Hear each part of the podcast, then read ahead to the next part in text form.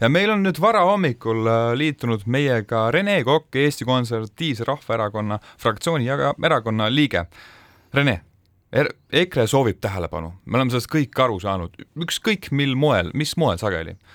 viimasel ajal on aga meediapildis palju rohkem Reformierakond, Kaja Kallas, Kristina Kallas, sotsid, Eesti kakssada ja seda eeskätt siis õpetajate streigiga seoses. ehk see tegelikult tähelepanu väga mõnus ei ole kuidas tunneb üks EKRE saadik ennast sellisel ajal, kui teised erakonnad on pildis, mis sest, et ebameeldiva teemaga? tere hommikust! no ega ei saa öelda, et me hästi tunneme ennast sellises olukorras, kus õpetajad peavad tulema tänavale ja, tänavale ja streikima ja ja toetuseks tulevad välja nii teatriinimesed, päästjad kui ka äh, siis muude valdkonnade inimesed, et olukord ei ole kindlasti hea ja loomulikult ei tunne sellise olukorra üle EKRE mingit heameelt, et äh, mu küsimus oli hoopis teine ma küsisin, et kuidas te tunnete ennast ajal, mil teised erakonnad on pildis ja EKRE ei ole? no nagu ma ütlesingi, et ega me ei tunne ennast hästi, sellepärast et olukord riigis ei ole hea, et äh, probleeme, mis vajavad kiiret sekkumist, on palju ja ja ei, ega me ei tee ju äh, oma asju sellepärast, et me tahame kuidagi reitingut hoida või, või ainuüksi see on meil oluline, ei ole. Oluline ikka see, et Eestis elu paremaks läheks nii Eesti riigil kui Eesti inimestel kui on üks asi, mis õpetajate streigi kõrval ähm, suuresti tähelepanuta paistab olevat jäänud, on Riigikogu, Riigikogu töö, kui ma täiesti ausalt ütlen, siis ega mul enam seda tunnetust väga hästi ei olegi. oli ju siin kraaklemist küll, aga kuidas praegu kulgeb? no ega obstruktsioon sisuliselt meil lõppenud pole, me täna menetleme neid neid eelnõusid ja arupärimisi edasi järjest, mida me oleme sisse saanud siin varasemalt, nii et et kui Riigikogu töögraafikut vaadata ja siis see töö käib edasi, arupärimise esitame ministritele, arutame ka eelnõusid, nii et töö käib edasi. obstruktsioon, te ütlete, et lõppenud ei ole, mina olen aru saanud, selline lausobstruktsioon on tegelikult ju läbi nojah, selles mõttes, et me ei ole praegu ööistungit ju pidanud, eks, aga ma ei saa väita seda, et me seda ei tee, sest meil anti eelmine nädal ju üle automaksu eelnõu ja, ja kindlasti me teeme kõik endast oleneva, et seda automaksu eelnõu pidurdada. kas EKRE saadikud väsisid ära ööistungitest seal, nii-öelda kõnede pidamisest, vaheaegade võtmisest, miks see nii-öelda lausobstruktsioon siis lõpuks ära lõpetati? Ei, me kindlasti ei väsinud ära, meil on väga tubli fraktsioon, et ma tõsiselt kiidan, väga töökas ja, ja seda ausalt öeldes tunnistavad ka meie kolleegid Riigikogus, et eh, ma ei tea ühtegi teist sellist eh, fraktsiooni, kes suudaks sellisel, sellisel moel oma oma inimesi mobiliseerida ja, ja motiveerida. aga ei, et eks me teeme targalt poliitikat, me vaatame, kus kohas on mõistlik teha obstruktsiooni ja kus kohas on mõistlik teha ka ööistungeid ja kus ei ole ja ja eks järgmised suured võitlused tulevad ikkagi automaksu eelnõu juures õiguskantsler ju avaldas ka eile või üleeile arvamuse, et, et presidendi Riigikohtusse saadetud eelnõu ähm, oli ilmselt põhiseadusvastane. kui nüüd peaks Riigikohtust tulema ühe seaduse kohta see äh, nii-öelda lahend, et, et koalitsioon ei tohiks äh, nii palju usaldusega eelnõusid siduda, kas teil on kokku lepitud fraktsioonis näiteks ka, et, mis te siis sellise signaali puhul äh, edasi teete, et kas siis läheb obstruktsioon äh, eriti tulisemaks ja veelgi täie rauaga edasi või, või olemegi nüüd sellises seisus, kus midagi teha ei ole, laias laastus käibki selline vägikaikavedu? no me ootame selle kohtuotsuse kõigepealt ära, et mis see täpselt olema saab. aga noh, tõsi, et me oleme täna olukorras, kus õiguskantsler ütleb, et äh, see käitumine ei olnud õige president ütleb, et see käitumine ei olnud õige, aga Riigikogu äh, siis äh, õigusosakond ütleb, et nende arust on kõik korrektne. et no nüüd tuleb selgeks saada ja ootame ära siis, mis on kohtupoolne seisu, seisukoht, aga me ju viitasime sellele kohe alguses, et see käitumine, mida, mida tehti, see ei ole õiguspärane ja täna sinna me jõudnud oleme, nii et me tegelikult ju rääkisime seda juba alguses ja ja, ja sinna me nüüd oleme jõudnud. Ja tegelikult kurb on see, et ega ega Riigikogu kodu- ja töökorda enam ikkagi väga palju äh, siis ei peeta äh, koalitsiooni poolt, et äh, sõidetakse ikka igas punktis nii julmalt üle, kui vähegi saab täna hommikul äh, tuli uudis ka siis uuringufirma Norstat koostatud reitingute kohta. nelja nädala koondandmete põhjal on siis liider Isamaa kahekümne noh, ligi kuue protsendiga ja EKRE on siis kaheksateist protsendiga küll teisel kohal, aga see reiting on ikkagi nädalast nädalasse langenud viimasel ajal lausa viis protsendipunkti, kui nüüd võtta siin ütleme, kaks-kolm viimast kuud. miks see nii on, et EKRE reiting langeb? no nüüd peab ütlema, et te eksitasite praegu just hetk tagasi valijat, sest kui me vaatame viimase nädala küsitlust, teie rääkisite viimase nelja nädala, nelja nädala koondist, aga kui ma võtan sama uuringu viimase nädala küsitluse ette, siis selle järgi on Isamaa reiting kakskümmend viis koma kolm, EKRE-l kakskümmend üks koma viis, sotsidel seitseteist koma üks, Reformierakonnal kolmteist koma viis protsenti, Keskel kaksteist pool, Eesti kahesajal vii-, kuus koma viis, nii et selle järgi ma võin väita, et viimase nädala baasil on EKRE reiting just tõusnud. Teid ikka huvitavad need reitingud väga, ma saan aru, et ärkate hommikul üles, vaatate, mis see reiting hetkel on? ei, mind ei huvita ja ma ei ela selle järgi, aga kuna te selle teema praegu üles võtsite, siis ma pidin teile ka vastama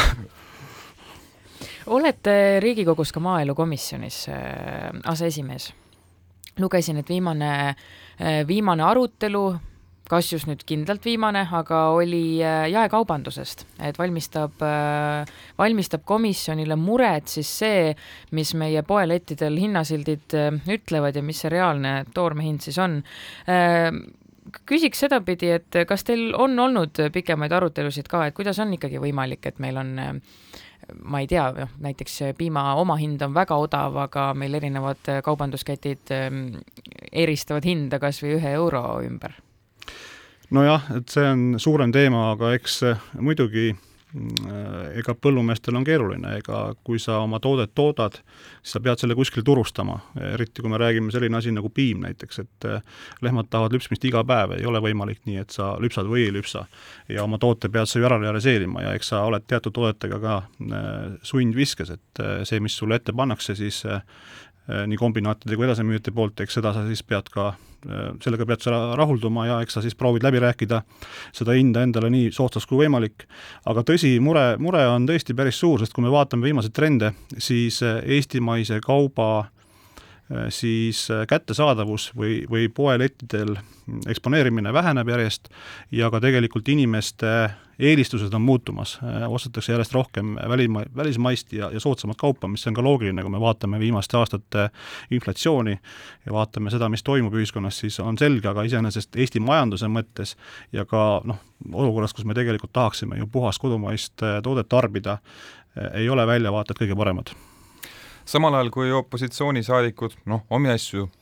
ajavad, eh, samal ajal valitsuse liikmed, nagu valitsuskoalitsiooni ministrid arutavad siis riigi eelarvestrateegia küsimust. kas teie teate, on, mil-, kuidas võiks äh, siis meie riigijuhid leida selle augu kahe tuhande kahekümne viienda aasta eelarvereale, mis on siis nelisada kolmkümmend miljonit?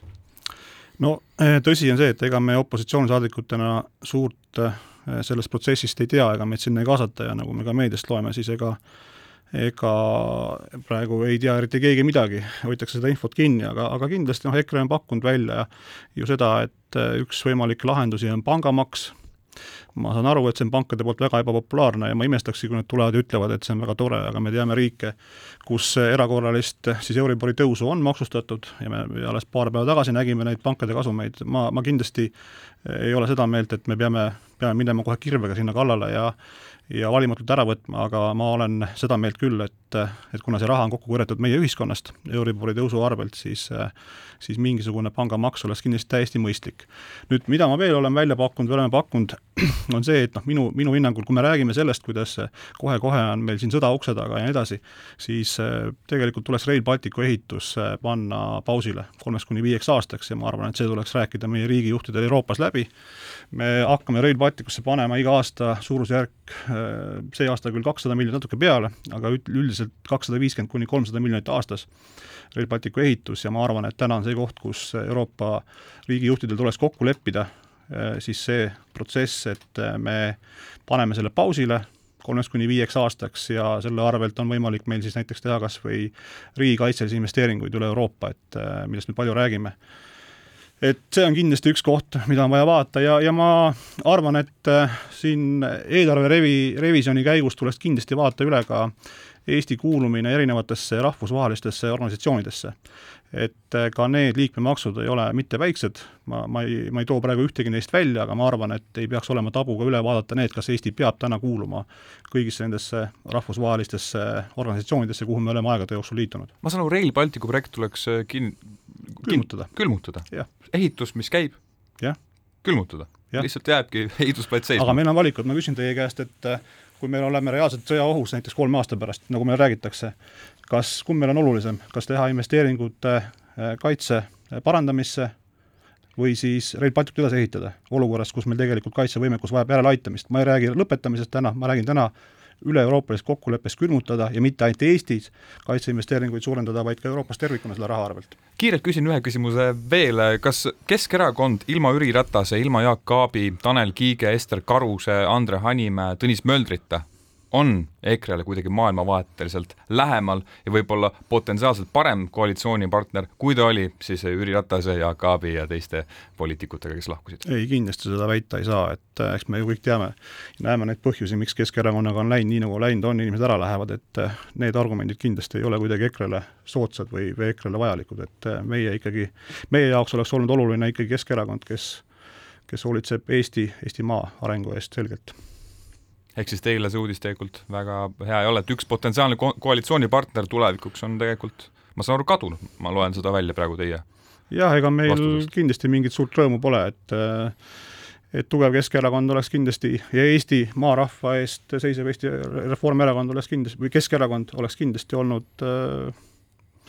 üks võimalikke partnereid ka tulevase valitsuse moodustamise juures, ega me täna täpselt veel ju ei tea, mis Keskerakonnast nagu edasi saab ja kuhu poole nad liikuma hakkavad. et noh, eks sellele annab aeg arutust. kuhu poole Eesti Konservatiivne Rahvaerakond edasi liigub? oma sellise elukaare jooksul, mis on äh, siin teinud võidukäiku, pakun viimased viis-kümme aastat umbes, kuhu nüüd EKRE edasi liigub, sest et poliitika ju muutub aastast aastasse, ülemaailmselt me näeme need nagu trendid muutuvad, kuhu EKRE liigub? Noh, EKRE liigub ikka edasi oma rada pidi, seistes Eesti rahva ja Eesti riigi eest, et noh, ja no nii on ja, ja ma mäletan seda, kuidas mina olen EKRE, liitusin EKRE-ga kaks tuhat neliteist aasta lõpus ja ma mäletan väga hästi neid suuri arvamusliidreid siin meedia vahendusel, kes ütlesid, et EKRE lagi on seitse protsenti ja kunagi ei saa nad rohkem ja siis oli kaheksa, siis oli kümme, siis oli viisteist ja, ja siin oli arva, arvajaid hulga, hulga, kes ütlesid, et EKRE ei saavuta kunagi kahekümneprotsendilist toetust Eesti rahva seas, nii et et need vestlapostid on järjest ümber lükatud ja, ja EKRE töötab edasi. Äh, EKRE saadik äh, Rene Kokk, kes on äh, Europarlamendi staar, kas see on juba kuskil välja hõisatud, kes võiks kandideerima minna ja, või jääb Jaak Madisson sinna esialgu? eks loomulikult erakonnas arutelud selle üle käivad ja, ja, ja mõeldakse, aga täna see nimekiri koos ei ole ja täna ei ole veel õige aeg seda välja tuua, et eks see selgub siis, kui on õige aeg Rene Kokk, aitäh teile täna hommikul Kuku raadiost uudise tulemast, jõudu ja parimat teile! aitäh!